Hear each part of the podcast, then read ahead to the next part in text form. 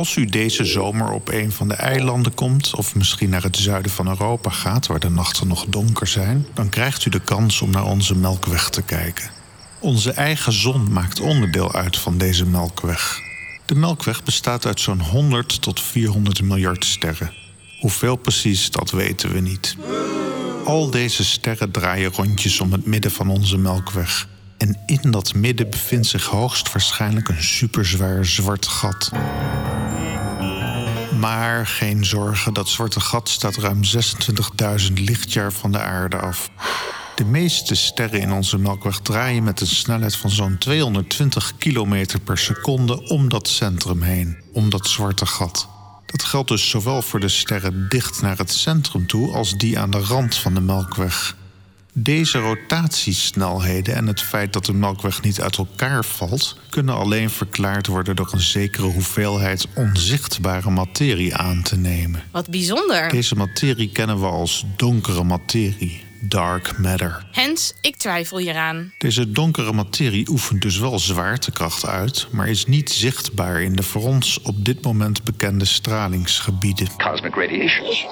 Maar goed, dat zijn allemaal bekende feiten die ons vooral confronteren met onze eigen nietigheid. In a small dark corner, my mind had remembered something. Maar vandaag verleggen we onze aandacht naar de uiterste rand van de Melkweg, waar zich sterstromen bevinden.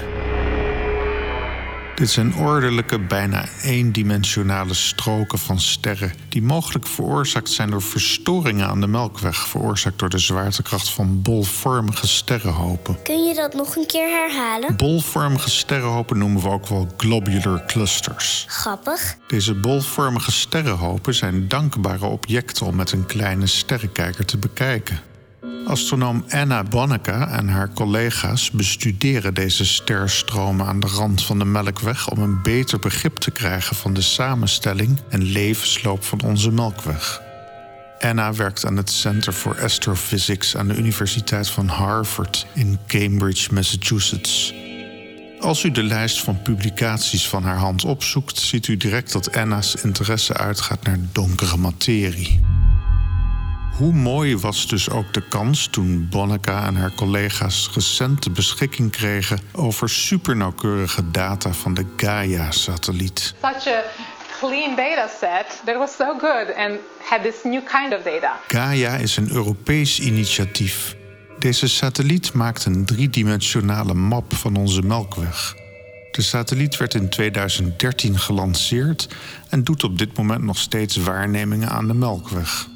De missie is verlengd tot 2022. De Gaia-satelliet hangt in het L2 Lagrange-punt van het zon-aardestelsel, waar de wisselwerking tussen de aarde en de zon de Gaia-satelliet stabiel op haar plaats houdt. Dit L2-punt bevindt zich op een afstand van zo'n anderhalf miljoen kilometer van de aarde, precies in de richting tegenovergesteld aan de zon. Hier bestudeert de Gaia-satelliet. Not just the colors, but also the motions of the stars. Aldus Anna Bonneka. De sterstroom waar Anna's bijzondere aandacht naar uitgaat is gigantisch. 40 moons on the sky was the length of the stream that was increased with this beautiful data set. Waarmee Anna doelt op de data afkomstig van de Gaia-satelliet. En in die gigantische sliert van sterren, die gewoonlijk ononderbroken is, zagen Anna en haar collega's Actual gaps. onderbrekingen dus. En met zulk overweldigend fotografisch bewijs These are actually the first time we can for sure say we see something in the stream that might be a perturbation. en daar waar het gat zit, These two sides of the stream are just kind of drifting apart.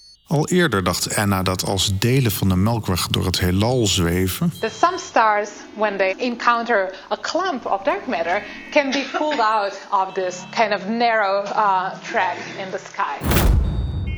dus iets heeft een gat geslagen in een deel van onze Melkweg. What happened to this stream? Can we really tie it back to dark matter? Zou het echt dark matter, donkere materie zijn? Is dat de schuldige van dit kosmisch vandalisme? In ieder geval niet iets wat daar nog rondhangt. That someone is out of picture, but it left a mark. Kandidaat 1. The obvious one, uh, or the, the one that we started with, was uh, wondering whether this could have been a dark matter halo or a clump of dark matter. Donkere materie. Ik denk dat je, zoals Anna, een PhD in sterrenkunde moet hebben om de woorden obvious en dark matter in één zin te kunnen gebruiken. Maar dat terzijde. Kandidaat 2. Globular clusters and something like 60 smaller dwarf galaxies are also orbiting. So that might be one class of object that could have done it. Bolvormige sterrenhopen. Kandidaat 3. Een zwart gat misschien? Yes, that's a plausible thing. It is dark, it is massive. Hoe kunnen Anna en haar collega's kandidaten wegstrepen? Want zoals Arthur Conan Doyle ooit zei... Als je alle onmogelijkheden wegstreept, dan blijft het enige mogelijke, hoe onwaarschijnlijk misschien ook, over. Om dat te doen deed Anna een schatting van de massa van de indringer die dit gat heeft geslagen. Looks like if we can estimate the mass of this object, we might say whether it is something more like a black hole or a neutron star. Ja, een neutronenster zou ook nog een mogelijke kandidaat kunnen zijn. Dat type ster is wel eens eerder voorbijgekomen in deze column. Een neutronenster bestaat inderdaad uit neutronen No shit, Sherlock. en is net als een zwart gat een klein object met een enorme massa. Alleen was de massa niet groot genoeg om een zwart gat te kunnen worden.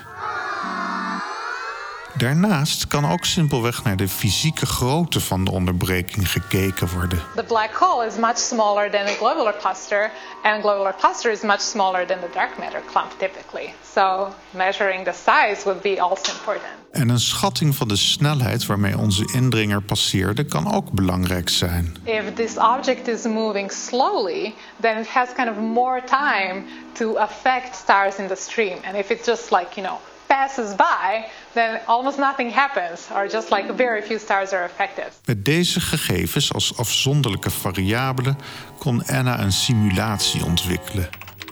In zo'n simulatie laat je een object op heel veel verschillende manieren tegen een sterrenstroom botsen. En, A single line would be distorted when we change one parameter at a time. en wat bleek? This is exactly in the range of supermassive black holes. So, so far, so good. Oh oh, een zwart gat op maar enkele duizenden lichtjaren van ons verwijderd, wat een gat slaat in onze eigen melkweg. I ain't gonna die, am I? Dit klinkt niet goed. En donkere materie? It is in the range of where we do expect dark matter clumps. Oké, naburige sterrenhopen zoals bolvormige clusters dan? This would be on the massive end, so it would have to be, yeah, something like the LMC. De LMC is de grote Magellaanse wolk, een sterrenhoop die u op het zuidelijk halfrond kunt zien. Die Gaia-missie heeft zoveel gegevens met dusdanige precisie opgeleverd dat We can calculate the relative distance between this stream and everything else in the galaxy. En op die manier kan gekeken worden naar alles wat er ronddraait in de Melkweg. En daarmee kan met zekerheid gesteld worden dat kandidaat 2, bolvormige en andersoortige satellietsterrenstelsels van onze Melkweg, kan worden uitgesloten. Put that thing away. Of in de woorden van Anna, Nothing came very close. resten nog zwarte gaten en donkere materie. We can kind of estimate what the mass and the size should have been. Over die zwarte gaten, How many black holes should be orbiting like in the Milky Way? tot nu toe dachten we altijd dat het er maar eentje was in het centrum van onze Melkweg. Veilig, ver weg en altijd netjes in het midden. Maar klopt dat dan wel? Weet je dat wel zeker? Kan er van de ene op de andere dag een zwart gat langskomen? The thing went by and on its way somewhere who knows where. In detective-verhalen eindigen we meestal met een dader. Now take your big stick